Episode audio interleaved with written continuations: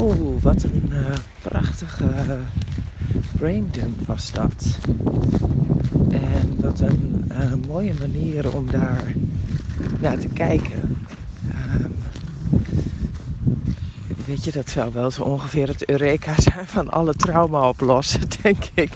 Als we dat onze kinderen bij zouden kunnen brengen. Maar uh, kijkend vanuit dat perspectief en vanuit hoe ik kijk naar uh, human design en wat mij dat gebracht heeft en wat ik zie dat het andere mensen ook brengt, is dat dit uh, voornamelijk bedoeld is voor. Ja, het is in de wereld gebracht voor de kinderen. Dus met andere woorden, als wij onze kinderen zouden kunnen opvoeden in gevolgen hun design en dan echt in de totaliteit van het hele systeem, hè?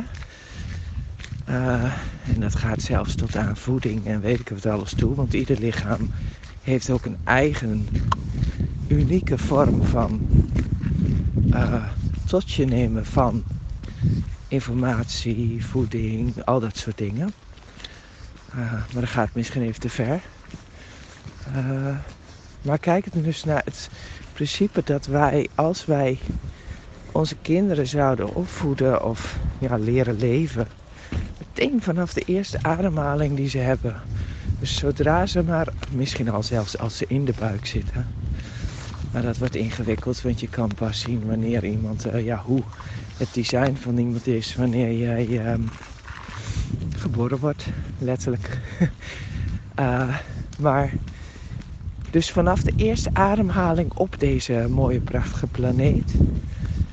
Um, en ze zouden dus leven in gevolgen hoe ze bedraad zijn en wat hun uh, innerlijke blauwdruk zeg maar is.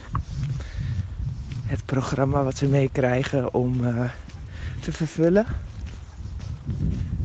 Dan uh, ontwikkelt zich waarschijnlijk geen trauma